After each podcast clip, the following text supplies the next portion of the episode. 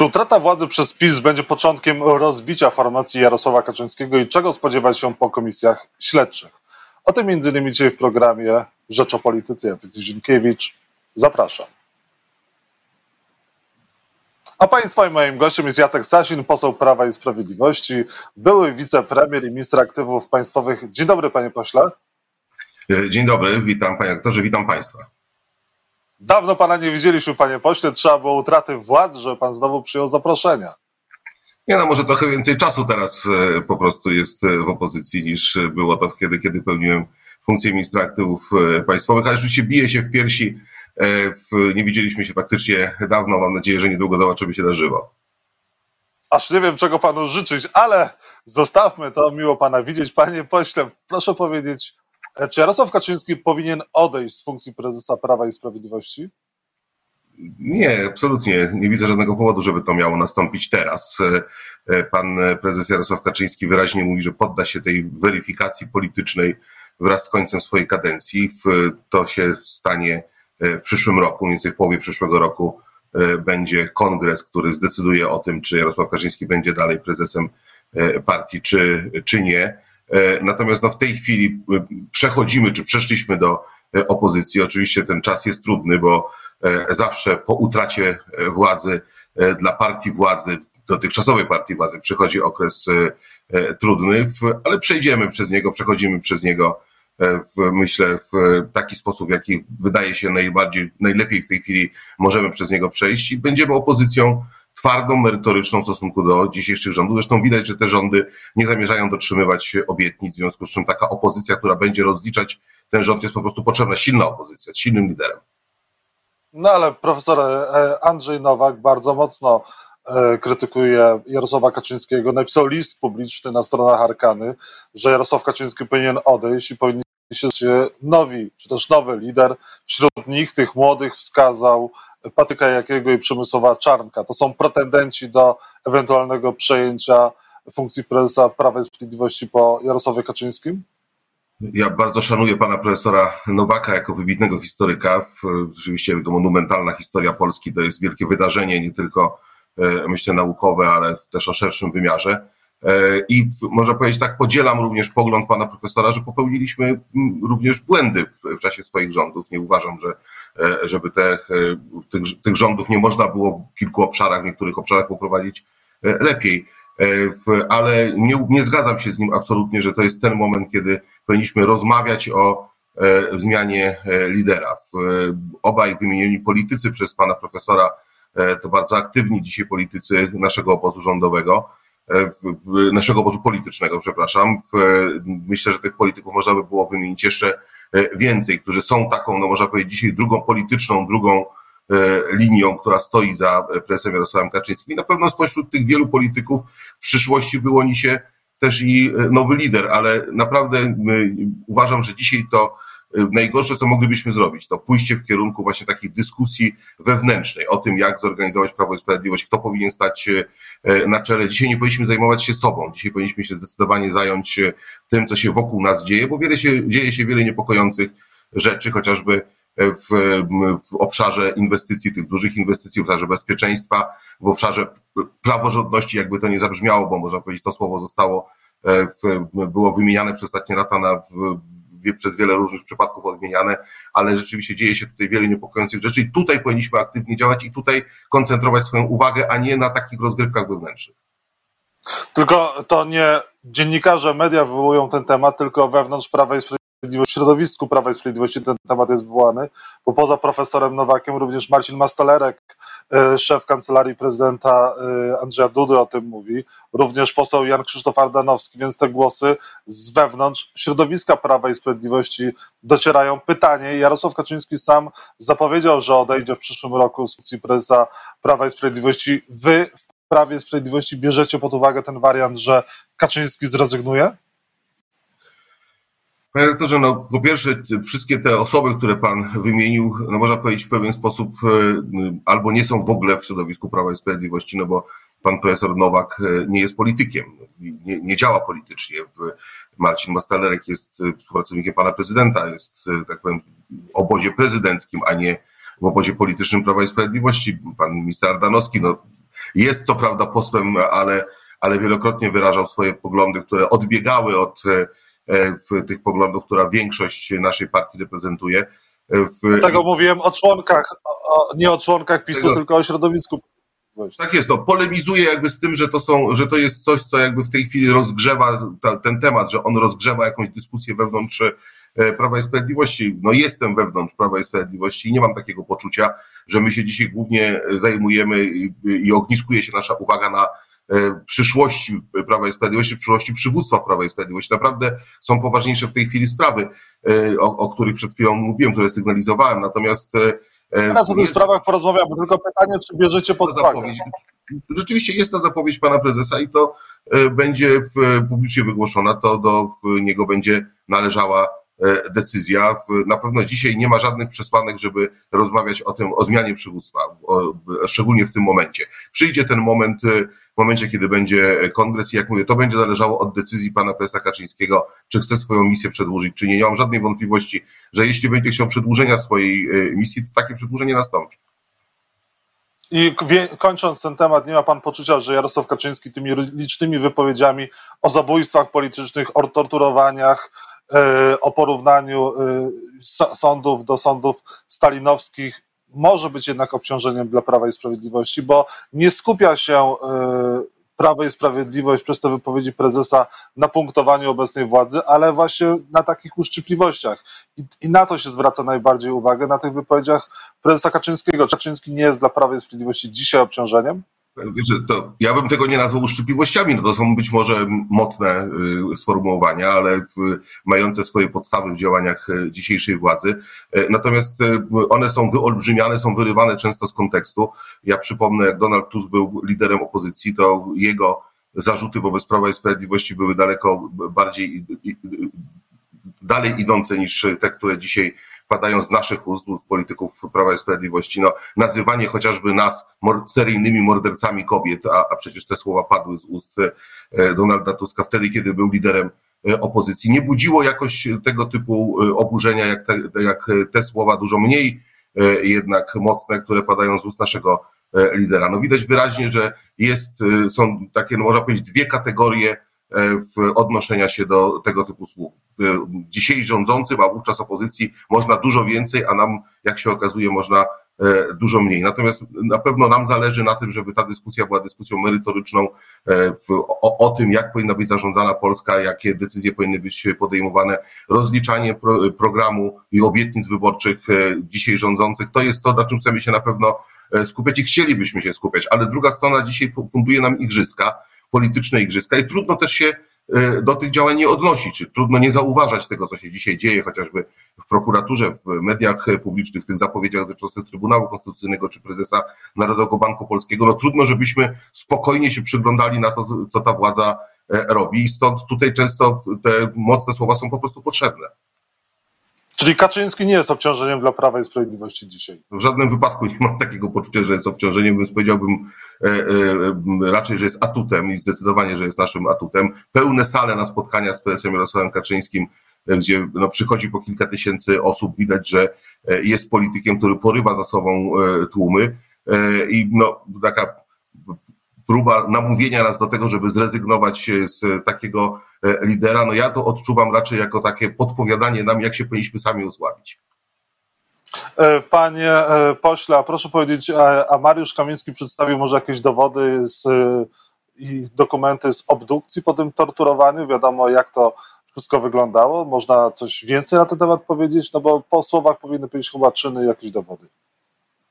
No, panie redaktorze, no z tego co wiem, a nie jestem specjalistą w tej y, dziedzinie, no czerpię tą wiedzę z powszechnie dostępnych źródeł, taki sposób tak zwanego dokarmiania, jaki został zastosowany wobec e, Mariusza Kamińskiego, e, w, a szczególnie w obliczu w, e, w jego pewnych wad anatomicznych nosa, może być rzeczywiście tak potraktowany. I to nie wynika z oceny kogokolwiek, tylko wynika również z ocen międzynarodowych e, instytucji, organizacji, które zajmują się prawami człowieka. Ale jak mówię, nie chciałbym się w to e, gdzieś szczególnie zadłużać, bo nie jestem w tej sprawie specjalistą. Niech się wypowiedzą e, specjalisty, specjaliści. Prezes też jakby użył, prezes Jarosław Kaczyński no, użył tego określenia właśnie na podstawie tego, o czym mówiłem, tych faktów, o których mówiłem przed chwilą.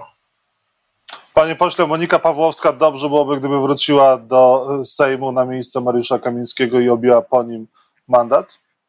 Znaczy ja nie, absolutnie nie miałbym absolutnie nic przeciwko temu, żeby Monika Pawłowska była posłem. Jeśli zostałaby posłem w tych ostatnich e, wyborach, to byłoby e, bardzo dobrze. Mało jej zabrakło do objęcia mandatu, do takiego wyniku, żeby ten mandat objąć. Natomiast no, w tej chwili jest kwestia udzielenia sobie odpowiedzi na pytanie, czy byłoby moralne dzisiaj wchodzić w tą grę, którą proponuje pan marszałek Hołownia, wygaszając w sposób bezprawny, bo są na to wyroki E, sądów. Możemy się z nimi zgadzać lub nie, ale są wyroki sądu, a w tym przypadku Sądu Najwyższego, który mówią, że ten mandat nie został po prostu e, wygaszony, że Mariusz Kamiński jest e, posłem. I ja myślę, że każdy przyzwoity człowiek tak powiem, zastanowiłby się, czy wchodzić w tą grę. Znaczy, ja bym w taką grę nie wchodził. Ja myślę, że pani poseł Pawłowska też powinna tutaj mieć tą refleksję i mam, myślę, że będzie ją miała. No jest też e, prawomocny wyrok sądu, e, ułaskawienie przez e, prezydenta, tym razem skuteczne. Ale tu jest, panie redaktorze, tu jest wiele niejasności. Znaczy w tej, ta sprawa, można powiedzieć, jest, bo tak, mamy, tak jak pan powiedział, jest wyrok sądu, ale oceniany też jako wyrok, który został wydany po prawomocnym ułaskawieniu, czyli że nie powinien mieć miejsca, ale mamy rozstrzygnięcie przede wszystkim w postaci orzeczenia E, właściwej Izby Sądu Najwyższego, która stwierdziła, że to wygaszenie mandatu przez pana marszałka Hołownię e, nie miało miejsca, nie było skuteczne, więc e, nie obowiązuje. I tutaj jakby to kończy wszelką dyskusję, a nawet jeśli ci, którzy mówią, że są jakieś wątpliwości, że ta sprawa może budzić jakieś wątpliwości prawne, to też im niech sobie wezmą pod uwagę to, że zawsze wątpliwości prawne powinny być rozstrzygane na korzyść oskarżonego, a, na jego, a nie na jego niekorzyść. Nawet zakładając w ten sposób to, e, ten mandat e, obaj panowie e, dzisiaj zachowują i dzisiaj nie ma żadnej podstawy, żeby ktokolwiek wchodził na ich miejsce do Sejmu.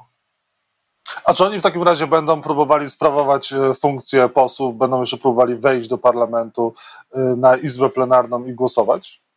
Znaczy ja myślę, że tej próby już obaj panowie nie będą powtarzać, no bo została, zostali E, zablokowani w tej możliwości wykonywania swojego mandatu, a naprawdę nie jest e, ani z tego co wiem e, intencją Mariusza Kamińskiego czy Macieja Wąsika, ani też mojego środowiska politycznego wzniecanie awantur i bijatek. To jest scenariusz, który chcą nam pisać nasi konkurenci polityczni, chcą nas rzeczywiście, tak powiem, wtłoczyć w taki E, obrazek partii awanturników. My nie jesteśmy żadnymi awanturnikami, chcemy e, spokojnie działać w regułach e, demokracji, szanujemy rozstrzygnięcia demokratyczne. Przypisywanie nam jakiegoś, jakiejś niechęci do uznania wyroku wyborców również jest niezgodne z rzeczywistością. My absolutnie ten werdykt przyjmujemy, natomiast no, nie możemy się pogodzić z łamaniem prawa, ale będziemy dochodzić swoich praw i i panowie będą dochodzić również, dwaj panowie posłowie będą dochodzić swoich praw na drodze, która jest drogą cywilizowaną, jest drogą e, prawną. E, jestem przekonany, że nawet w takiej sytuacji, w jakiej dzisiaj jesteśmy, czyli no łamania prawa w Polsce, ta droga będzie po prostu skuteczna, bo e, nie wyobrażam sobie, aby wszyscy sędziowie w Polsce poszli w tą stronę zamykania oczu na obowiązujące prawo. Ale będą dochodzić na drodze prawnej w Polsce czy za granicą swoich praw?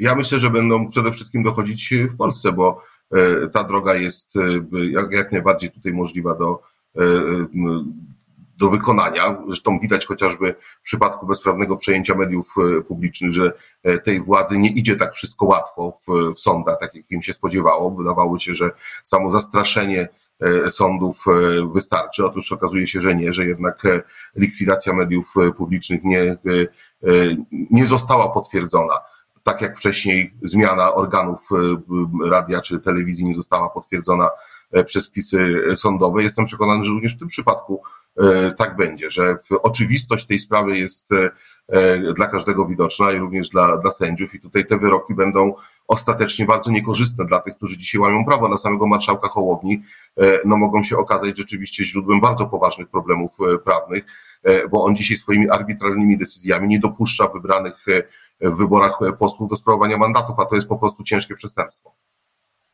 Kazik Staszewski kiedyś śpiewał Wałęsa, oddaj moje 100 milionów.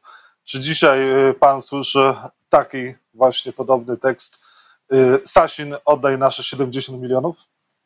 No ja myślę, panie redaktorze, że po w moich zeznaniach przed komisją śledczą. Już dzisiaj nikt nie ma żadnej wątpliwości, że w żadnym wypadku to nie ja jestem osobą, która odpowiada za wydanie 70 milionów na wybory korespondencyjne. Myślę, że to wybrzmiało bardzo mocno i bardzo mocno widać dzisiaj, kto rzeczywiście odpowiada za tą stratę. E, i że to nie są politycy, ani ja, ani żaden z polityków e, rządzących wówczas Prawa i Sprawiedliwości, e, tylko ci politycy ówczesnej opozycji, a dzisiaj władzy, którzy do tych wyborów nie dopuścili, nie dopuścili z powodów politycznych, czysto politycznych, swojego politycznego interesu, czyli chęci wymiany kandydata z takiego, który nie miał żadnej szansy na to, żeby w tych wyborach zaistnieć. Nie mówię nawet wygrać, ale zaistnieć, bo rzeczywiście miał notowania na poziomie 4-5%. Mnie to Panie pośle, ale to w takim razie politycy Koalicji Obywatelskiej, Platformy powinni oddać Polakom te 70 milionów złotych? Tak, to oni powinni oddać te pieniądze, oni za, te, za tą stratę odpowiadają. Zrealizowali tym kosztem swój polityczny interes, jakim była wymiana e, kandydata i po, powinni ponieść konsekwencje. Natomiast cała ta sprawa, e, e, która ma przecież już prawie czteroletnią dzisiaj e, historię, pokazuje, jak rzeczywiście w dzisiejszych czasach, w dzisiejszej Polsce, jak jak e, korzystając z tych narzędzi, które e, są e, szeroko dostępne również mediów, a przede wszystkim mediów, jak można wykreować alternatywną rzeczywistość, bo ja nie mam żadnych wątpliwości, że ja zostałem obsadzony w tej sprawie w roli kozła ofiarnego, który, na którego miało być właśnie ten cały hejt tutaj zrzucony i to się udało rzeczywiście. To się, to się udało przez ostatnie cztery lata E, żyłem z takim piętnem tego, który wydał e, e, lekką ręką 70 milionów na wybory, które się nie odbyły, realizując, rzekomo realizując swój polityczny interes. No dzisiaj myślę, że każdy, kto chce na to spojrzeć w sposób obiektywny, widzi, że było dokładnie zupełnie odwrotnie. Panie pośle, no ale to nie politycy opozycji wtedy mogli podejmować decyzje w sprawie wyborów kopertowych, tylko politycy partii rządzącej, między innymi pan jako wicepremier, jako minister aktywów państwowych, nadzorujący między innymi Pocztę Polską. Nie ucieka pan dzisiaj od odpowiedzialności? Nie, nie uciekam od odpowiedzialności, bo nie uciekam od tego, że Poczta Polska, którą nadzorowałem i rząd, w którym y, miałem przecież swój znaczący udział, chcieliśmy te wybory E, zorganizować, zorganizować e, je w, dlatego, bo takie było, e, bo taka była, można powiedzieć, prawna determinanta wynikająca z Konstytucji Rzeczpospolitej Polskiej, z prawideł demokracji. Natomiast kiedy, panie redaktorze, pan mówi, że to my jakby odpowiadaliśmy, my podejmowaliśmy decyzje w tej sprawie, to ja się z tym też nie zgadzam, ponieważ te decyzje były rozłożone po różnych stronach. No chociażby Senat miał tutaj ogromną rolę do odegrania. E, mógł szybko przyjąć przepisy, które umożliwiły przeprowadzenie tych wyborów, albo mógł przetrzymać te e, ustawowe przepisy tak długo, żeby uniemożliwić e, przeprowadzenie wyborów w terminie, który został wskazany przez panią marszałek Sejmu. I Senat kierowany tutaj przez jednak wówczas opozycję, rządową opozycję, mówię tutaj o przede wszystkim Platformie Obywatelskiej, no zdecydował e, o tym, żeby rzeczywiście te wybory, e, te wybory uniemożliwić, przeprowadzenie tych wyborów uniemożliwić. To samo dotyczy e, samorządowców, którzy odmawiali przekazywania spisu wyborców. To byli samorządowcy w ogromnej mierze związani z ówczesną opozycją, więc e, to nie jest tak, że to tylko po naszej stronie, po stronie rządu, po stronie Prawa i Sprawiedliwości leżały instrumenty, żeby skutecznie te wybory przeprowadzić. Tutaj było potrzebne działanie wszystkich organów władzy rządowej, samorządowej, współdziałanie w tej sprawie. Tego współdziałania nie było. No, ta część E, władzy państwowej, przez samorząd, to też jest część władzy państwowej, która była kontrolowana przez ówczesną opozycję, działała przeciwko możliwościom, możliwości zorganizowania tych e, wyborów. Efekt był właśnie taki, że do tych wyborów e, nie doszło. I proszę zauważyć, kiedy zgodziliśmy się na zmianę kandydata, kiedy zgodziliśmy się na to, żeby Małgorzatę Kidawę-Błońską zastąpił e, Rafał Trzaskowski, wszystkie problemy nagle zniknęły. Nagle e, łącznie z zagrożeniami epidemiologicznymi, łącznie z tymi kopertami śmierci, które miały, e, tak powiem, roznosić wirusa, okazało się, że te wybory można przeprowadzić nawet w sposób bezpośredni, niekorespondencyjny, chociaż wcześniej ta narracja była taka, że tego po prostu w żadnym wypadku, dbając o zdrowie i życie Polaków przeprowadzać, e, przeprowadzić się nie da. E, widać wyraźnie o co chodziło w tej, w tej sprawie. Myślę, że te obrady Komisji Śledczej też e, bardzo wyraźnie to Polakom dzisiaj unaoczniły. Panie pośle, troszkę mi się pan zaczyna zlewać ze ścianą, tak bardzo pan się wybiela. Ale niech pan powie, czy Mateusz Morawiecki również był za tymi wyborami? Przepraszam, bo nie Mateusz Morawiecki również, Mateusz Morawiecki premier był również z rami kopertowymi? Że to była decyzja całego naszego środowiska, kierownictwa Prawa i Sprawiedliwości w, w tej sprawie. Zresztą nie mogliśmy podjąć wtedy innej decyzji. Szukaliśmy sposobu, aby te wybory się odbyły wobec faktu, iż został wyznaczony termin wyborów przez panią marszałek Sejmu. Termin wyborów, który według wszelkich E, opinii prawnych, które mieliśmy, nie, nie może być przesunięty, nie może być zgodnie z konstytucją przesunięty e, w czasie, e, a ponieważ mieliśmy takie opinie, a przynajmniej takie, takie informacje do mnie wówczas docierały, że przeprowadzenie tych wyborów w sposób tradycyjny może rzeczywiście wiązać się z niebezpieczeństwem epidemiologicznym, zagrożeniem dla zdrowia Polaków, którzy wezmą w tych wyborach, szukaliśmy innego sposobu. Takim sposobem e, wydawało się dobrym wówczas e, będzie przeprowadzenie tych wyborów w sposób e, korespondencyjny. Podjęliśmy się tego w imię właśnie odpowiedzialności za konieczność przestrzegania konstytucji. Wie pan, powiem szczerze, dzisiaj konieczność tłumaczenia się z tego, że chcieliśmy przeprowadzić wybory, E, czyli tak powiem, no akt jak najbardziej w, e, w, będący kwintesencją demokracji, pozwolić na wybory prezydenta Rzeczpospolitej, mimo tej trudnej sytuacji, która się wszyscy wówczas znaleźliśmy. Była pandemia i było ryzyko zagrożenia zdrowia jest, i życia. Jest, jest to dla mnie e, jakieś doświadczenie no nie chcę powiedzieć bolesne, bo, bo może to byłoby za daleko powiedziane, ale budzące moje wielkie zdziwienie, że dzisiaj muszą się tłumaczyć ci, którzy chcieli E, dokonać demokratycznego wyboru, dać Polakom możliwość demokratycznego wyboru, a oskarżającymi są ci, którzy wówczas e, e, uniemożliwiali ten wybór. No to jest jakiś chichot historii rzeczywiście. Panie pośle, a pan, dla pana nie jest bolesne to, że może mógł pana podsłuchiwać Mariusz Kamiński z Maciejem Wąsikiem. Lista Pegasusa krąży nad Prawem i Sprawiedliwością. Podobno byli inwigilowani również koledzy obu posłów, ministrów Prawa i Sprawiedliwości, a pan? Ja też ja nie mam żadnych podstaw przede wszystkim, żeby twierdzić, że e, byłem podsłuchiwany Pegasusem, e, ale nawet jeśli tak by e, było, no to rozumiem, że odbywało się to zgodnie z wszelkimi regułami, które w demokratycznym państwie powinny obowiązywać, bo samo to, że służby posiadają narzędzia takie jak Pegasus, nie jest ani niczym dziwnym dla mnie, ani niczym oburzającym, ani niczym nielegalnym. E, te narzędzia są po prostu potrzebne, żeby skutecznie działać i, i ścigać przestępców. E, natomiast oczywiście użycie tych narzędzi jest obwarowane e, pewnymi zasadami. Zgoda prokuratury, następnie sądu. Jeśli te procedury były dochowywane, to nie ma tutaj po prostu, nawet jeśli ten Pegasus był wobec kogoś używany, nie ma tutaj absolutnie ani żadnej afery, ani żadnego złamania prawa. I jestem przekonany, że ta komisja, która ruszyła chyba wczoraj w sprawie Pegasusa, dokładnie do takich wniosków na końcu dojdzie, jeśli tylko będzie chciała dojść do e, wniosków obiektywnych, a nie pod z góry założoną tezę działać. E, I tutaj jakby myślę, że żadnej afery po prostu w tej sprawie nie będzie. Natomiast samo mówienie, że Pegasus jest nielegalny albo zakup Pegasusa był nielegalny, no jest wielką manipulacją. To tak jakby mówić, że zakupy uzbrojenia dla wojska są nielegalne. No to jest właśnie taka broń dla służb specjalnych, analogiczna jak, jak czołgi czy samoloty dla E, dla armii, to takie oprogramowanie jest taką bronią właśnie dla e, służb specjalnych i tak to trzeba traktować.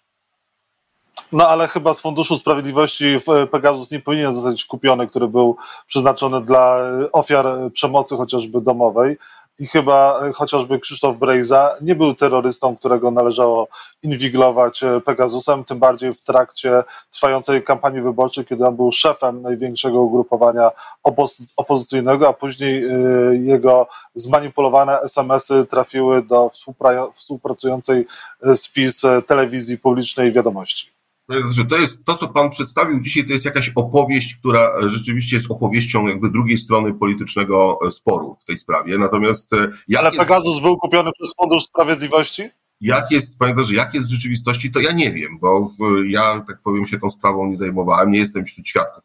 Może, panie pośle, jak pan nie wie, to może lepiej nie wyrokować ale też jakby nie wyrokuję, tylko y, mówię, też jakby prosiłbym o to, żeby, y, tak powiem, w drugą stronę nie wyrokować, bo dzisiaj bardzo wiele bardzo takich mocnych y, sformułowań tutaj pada o nielegalności tych działań, wręcz o jakiejś zbrodniczości tych działań, które były podejmowane za pomocą tego oprogramowania przez polskie służby. E, właśnie nie wyrokujmy w tej sprawie. To znaczy nie znamy informacji, ani pan redaktor, ani ja, ani absolutnie jestem przekonany, 99% osób, które się w tej sprawie wypowiadają, nie ma dostępu do e, informacji niejawnych. To wszystko jest, cały materiał jest obłożony klauzulą niejawną w tej, w tej sprawie, więc rzeczywiście to jest zbyt poważna sprawa, żeby z góry wyrokować. Dajmy, niech przed tą komisją pewne sprawy wybrzmią, niech zostaną pokazane te listy, o których tak wiele słyszymy, ale które są trochę jak Yeti, prawda, którego nikt nie widział. W, bardziej widzę w tym wszystkim taką chęć E, oddziaływania na moje środowisko polityczne przez to, żeby wprowadzać tutaj pewien zamęt e, wewnętrzny. No, rozumiem, że e, Donald Tusk i jego współpracownicy przestudiowali słynną chińską sztukę wojny, która, która jest rzeczywiście taką, można powiedzieć, Biblią dla polityków i tam jest taki takie wskazanie wprowadź zamęt do obozu przeciwnika. No i jakby ta próba właśnie jest tutaj podejmowana, ale ta rzeczywistość, jestem absolutnie przekonany, jest zupełnie inna. E, panie, e, panie pośle, jeżeli chodzi o tego e, Yeti, o którym pan wspomniał, to trochę z CPK jest jak z Yeti. Przez tyle lat była, były prace nad CPK prowadzone, bardzo dużo pieniędzy zostało wydane, a nikt tego CPK nie widział, nawet łopata tam nie została wbita. Czy, to, czy te prace powinny być kontynuowane, może ten projekt powinien być kontynuowany, bo o pracach jeszcze jako takich, przynajmniej fizycznych, nie ma mowy. Znaczy projekt, nie mam żadnych wątpliwości, że powinien być kontynuowany, bo jest dobry dla Polski po prostu i to jest projekt, który pozwoli nam e, być krajem konkurencyjnym e, w, przynajmniej w tej części Europy. Natomiast e, co do tego Yeti, o którym pan redaktor mówi, no każdy, kto zajmuje się jakąkolwiek inwestycją, wie, że aby inwestycja mogła przejść do tego momentu, kiedy jest bicie łopaty i rzeczywiście fizyczne jej wykonanie, to znacznie dłużej trwa okres przygotowań do tej inwestycji. Nawet ktoś, kto buduje dom, to wie, że od momentu, kiedy podejmie decyzję o budowie domu, do momentu, kiedy zacznie kopać wykopy pod fundamenty, mija sporo czasu, bo trzeba zrobić e, projekt, trzeba następnie zdobyć wszystkie e, pozwolenia, zgody. No teraz dzięki naszym rządom jest to dużo łatwiejsze niż było e, wcześniej, ale i tak ten okres przygotowania inwestycji, szczególnie tak wielkiej inwestycji jak ta, jest wieloletni. E, e, I tutaj rzeczywiście w momencie, kiedy kończyliśmy władzę, ale mieliśmy taką ambicję rzeczywiście, żeby tą łopatę wbić, to się ostatecznie e, nie udało, ale byliśmy bardzo blisko tego momentu i mówienie dzisiaj, że to jest taki projekt widmo, w którym nic nie zostało dokonane, oczywiście jest kolejną, można powiedzieć, ściemą, czy kolejnym oszustwem tego nowego rządu który jest po prostu bardzo to wyraźnie widać niechętny tego typu e, inwestycjom, zarówno tej inwestycji, jak i inwestycjom portowym, czy inwestycjom w energetykę. Myśli pan, że będzie kontynuacja CPK, czy jednak nie?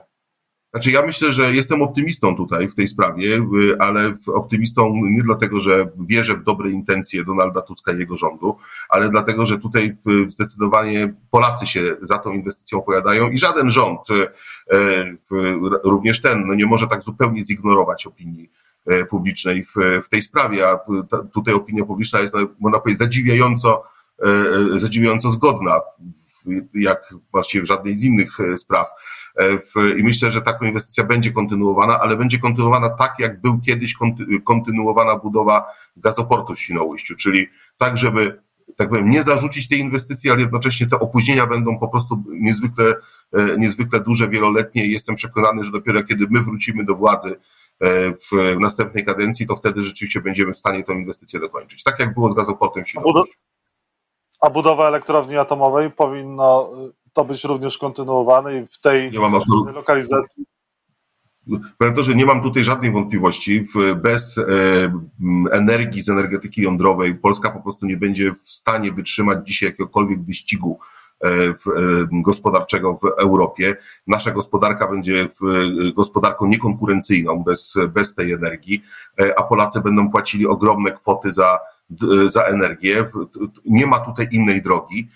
I próba, bo Pan wspomniał o lokalizacji, próba zmiany lokalizacji tej inwestycji to jest nic innego jak właśnie taka próba pójścia drogą, niby budujemy, ale opóźniamy o bardzo wiele lat, no bo zmiana lokalizacji to wiele lat nowych badań, nowych przygotowań do tej e, inwestycji. Tutaj już nie można kombinować i apeluję o to do e, rządu Narodowskiego, żeby w tej sprawie po prostu nie kombinował, żeby szedł prostą drogą budowy tej elektrowni na Pomorzu, e, żeby szybko rozstrzygnął kwestię partnera dla drugiej elektrowni w programie rządowym, która również powinna być zbudowana i żeby nie utrudniał tego biznesowego projektu z Koreańczykami i z Zepakiem, który realizuje w którym rząd jest, można powiedzieć, nie bezpośrednio zaangażowany, ale poprzez spółkę Skarbu Państwa, jaką jest Polska Grupa Energetyczna, żeby tutaj również te działania szły bardzo szybko, bo to jest po prostu nasza racja stanu.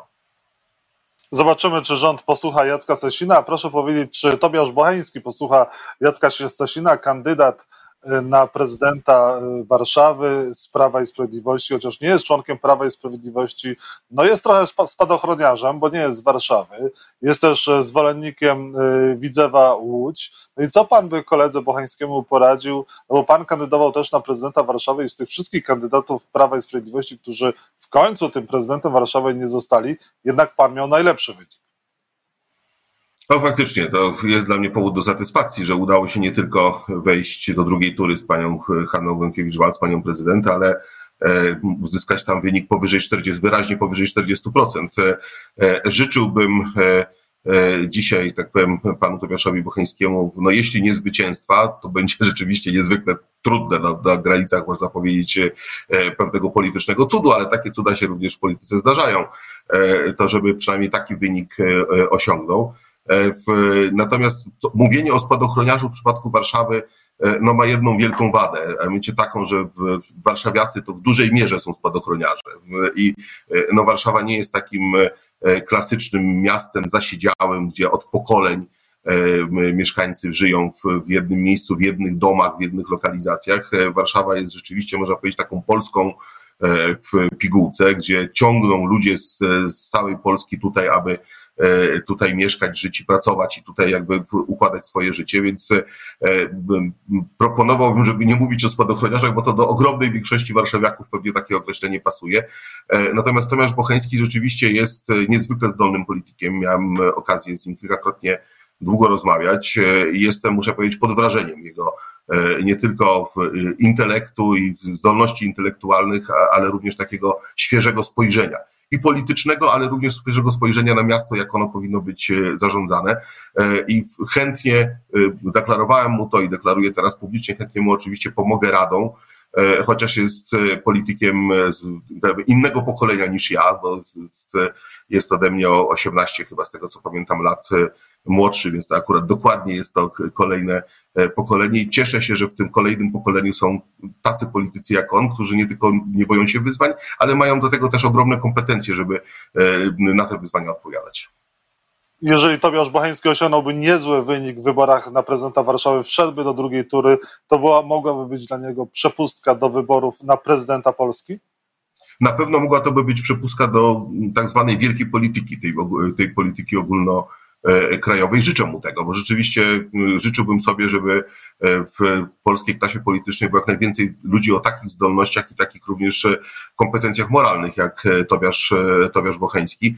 Natomiast co do prezydentury, panie rektorze, to pewnie przed nami jeszcze dyskusja na ten temat po wyborach samorządowych, po wyborach europejskich, które nas teraz zajmują, głównie nas dzisiaj te kwestia, a właściwe wybory samorządowe nas głównie w tej chwili zajmują. Przyjdzie czas na tą dyskusję. Ja myślę, że w Prawie i Sprawiedliwości jest kilku kandydatów, którzy e, mogliby w te szranki stanąć, chociażby Mariusz Błaszczak. E, dzisiaj wiemy, jak ważnym wyzwaniem dla Polski są e, kwestie obronności, bezpieczeństwa. Prezydent odgrywa w tych sprawach ogromną rolę. No, jeśli chodzi o nasze środowisko polityczne, największym, można powiedzieć, dzisiaj specjalistą od spraw bezpieczeństwa, obronności jest właśnie Mariusz Błaszczak. Ale moglibyśmy oczywiście dyskutować w ten sposób również o innych kandydatach. Jeśli będzie dyskusja o kandydatach E, innego pokolenia, prawda, niż tego, które jest pokoleniem moim, to pewnie również tutaj o Tobiaszu Bocheńskim e, dyskutować, e, możemy, ale dzisiaj przed nim inne zadanie. Dzisiaj walka o prezydenturę Warszawy i myślę, że na tym się dzisiaj on skupia. I ostatni wątek, czy Daniel Obajtek będzie kandydatem PiS w wyborach europejskich? Tego nie wiem. Nie wiem, takiej dyskusji nie było. Rekomendowałby pan? Y, ja nie uczestniczyłem w takich rozmowach. Ja uważam, że e, Daniel Obajtek, a, a poznałem go dosyć dobrze, bo współpracowałem z nim przez e, cztery lata, e, to jest człowiek o wielkich zdolnościach, wielkich umiejętnościach, ale również w takim propaństwowym spojrzeniu. Więc myślę, że warto by go było dzisiaj wykorzystać. Dzisiaj po tym, jak odszedł z funkcji prezesa Orlenu, jest Europejczykiem bez zajęcia w tej sferze publicznej, chociaż nie wiem, co robi w innej sferze, w innych sferach E, I jeśli by e, chciał, tak powiem, dzisiaj stanąć w szranki w wyborach europejskich i tam w Brukseli dbać o interes Polski, to myślę, że to byłoby pożytkiem dla naszego kraju. A czy z pożytkiem dla naszego kraju doprowadził do fuzji Lotosu z Orlenem? No zarząd Orlenu wiedział, że Lotos wart jest więcej niż tyle, za ile go sprzedawano. Panie doktorze, można powiedzieć, że w, coś jest warte tyle, za ile można to w danym momencie sprzedać. Więc to jest oczywiście ogólna, ogólne stwierdzenie, które, tak powiem, tylko w tym sytuacji przy, przytaczam, żeby wyjść w tej dyskusji do przodu. Otóż rzeczywiście były różne wyceny, ale zupełnie też inne od tych, które, od tych szacunków, które przytacza E, pan prezes Banaś i jego kontrolerzy, bo tutaj trudno mówić o jakichkolwiek wycenach, tu żadne wyceny nie zostały zrobione, więc e, natomiast odnosząc się do tych wycen, które są, w, które były dokonane przez Orlen, e, mogę powiedzieć tyle. Orlen przeprowadzał tę transakcję w sytuacji dla siebie niekorzystnej. Czy po pierwsze, będąc pod przymusem, jaką była decyzja Komisji Europejskiej, a właściwie nakaz Komisji Europejskiej o E, konieczności zastosowania środków zaradczych, czyli każdy kupujący wiedział, że ten, który sprzedaje, musi sprzedać w określonym terminie, no co stawia oczywiście tego sprzedającego w sytuacji e, trudnej. To jest po pierwsze. Po drugie, no mówiliśmy jednak o zbyciu aktywów, które nie są aktywami przyszłościowymi. No, mamy do czynienia z rewolucją e, klimatyczną, energetyczną w Europie, gdzie aktywa takie jak rafineria, czy udziały w rafinerii E, tradycyjnej rafinerii w, na ropę naftową, przerabiającą ropę naftową, e, no nie są aktywami przyszłościowymi, które w dłuższej perspektywie czasu będą mogły być e, dochodowe. Ja zwracam też uwagę, że w tym czasie, w którym ta transakcja miała miejsce w Europie, likwidowano, likwidowano kilkanaście rafinerii, co pokazuje, że ten rynek się zwijał. W związku z tym uważam, że ta cena, która została osiągnięta przez e, Orlen, e, była ceną godziwą i przede wszystkim e, to, że była ona nieco niższa od wycen, to było to równoważone poprzez synergie, które w trakcie tej fuzji udało się osiągnąć. O tym zresztą e, mówiły bardzo wyraźnie analizy renomowanych międzynarodowych firm doradczych, które monitorowały, które ten proces, które dawały rekomendacje dla tego procesu e, i pomimo właśnie tych zastrzeżeń, o których mówiłem przed chwilą, rekomendowały dokonania, dokonanie fuzji, bo dostrzegały właśnie te ogromne, idące w no, miliardy, to perspektywie kilku lat 20, 20 miliardów, taka kwota została wskazana, synergię z tego połączenia, więc nie ma tutaj mowy o żadnej stracie. Jestem o tym absolutnie e, przekonany. Natomiast tak jak każda taka wielka transakcja, e, e, ona wymagała również podejmowania pewnie różnych trudnych decyzji i te decyzje były podejmowane przez zarząd Orlenu.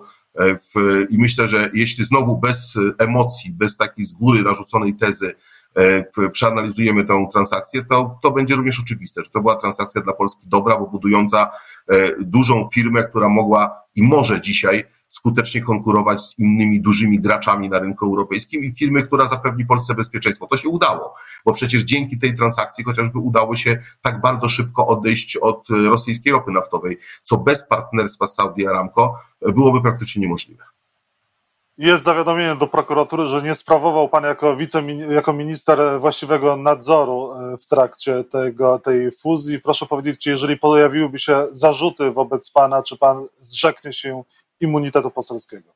Znaczy ja absolutnie nie zgadzam się z tymi zarzutami. Dopełniłem e, e, wszystkich, można powiedzieć, wymogów, jakie jako minister aktywów państwowych powinienem w tej sprawie dopełnić. Wszystkie działania podjąłem, łącznie z, ze zleceniem właśnie właściwych analiz e, renomowanym firmom, łącznie z powołaniem specjalnego zespołu, który monitorował cały ten, e, ten proces, więc nie mam tutaj żadnych powodów do obaw. To jest, e, można powiedzieć, polityczno-publicystyczny zarzut formułowany z jednej strony przez posłów opozycji, szczególnie panią Pomaskę, która jest tutaj jakby no, taką przedstawicielką tego środowiska gdańskiego w tej sprawie, z drugiej strony E, rzeczywiście przez Najwyższą Izbę e, Kontroli, która no, dzisiaj też nikt nie ma wątpliwości, jak bardzo mocno politycznie jest zaangażowana e, po tej stronie przeciwnej niż ta, którą ja reprezentuję. Ale co ciekawe, również w tym raporcie NIK-u jest to napisane, że dopełniłem jako minister aktywów państwowych wszystkich obowiązków w tej sprawie, a w innym miejscu się mówi, że nie dopełniłem tych obowiązków. Więc jakby same, samego raportu wynikają sprzeczności. Czy ja na pewno się, panie doktorze, z żadnym immunitetem nie będę ukrywał. Nie mam tutaj w tej sprawie nic do ukrycia. Jestem absolutnie gotów odpowiedzieć na wszystkie pytania, czy to przed prokuratorem, czy przed jakąś ewentualnie komisją śledczą, jeśli będzie powołana, bo też słyszę o takich, o takich pomysłach. Jestem gotów tutaj na te pytania odpowiadać i jak mówię, śpię spokojnie w tej sprawie. Naprawdę wiem, że, że tutaj ta ilość dokumentów, a to są dziesiątki tysięcy stron dokumentów i analiz, które były wykonane przez kilkanaście firm doradczych, prawniczych, nie pozostawią żadnych wątpliwości, że ta transakcja była przeprowadzona w sposób prawidłowy i z korzyścią dla Polski. Nie spał, tylko spokojnie odpowiadał na pytania rzecz o polityce Jacek Sasin, z którym mam nadzieję, że zdążymy się jeszcze spotkać. I porozmawiać wkrótce. Bardzo dziękuję za rozmowę, panie Bardzo dziękuję. Dziękuję. Wszystkiego dobrego, miłego dnia. Wszystkiego dobrego. Dziękuję wzajemnie.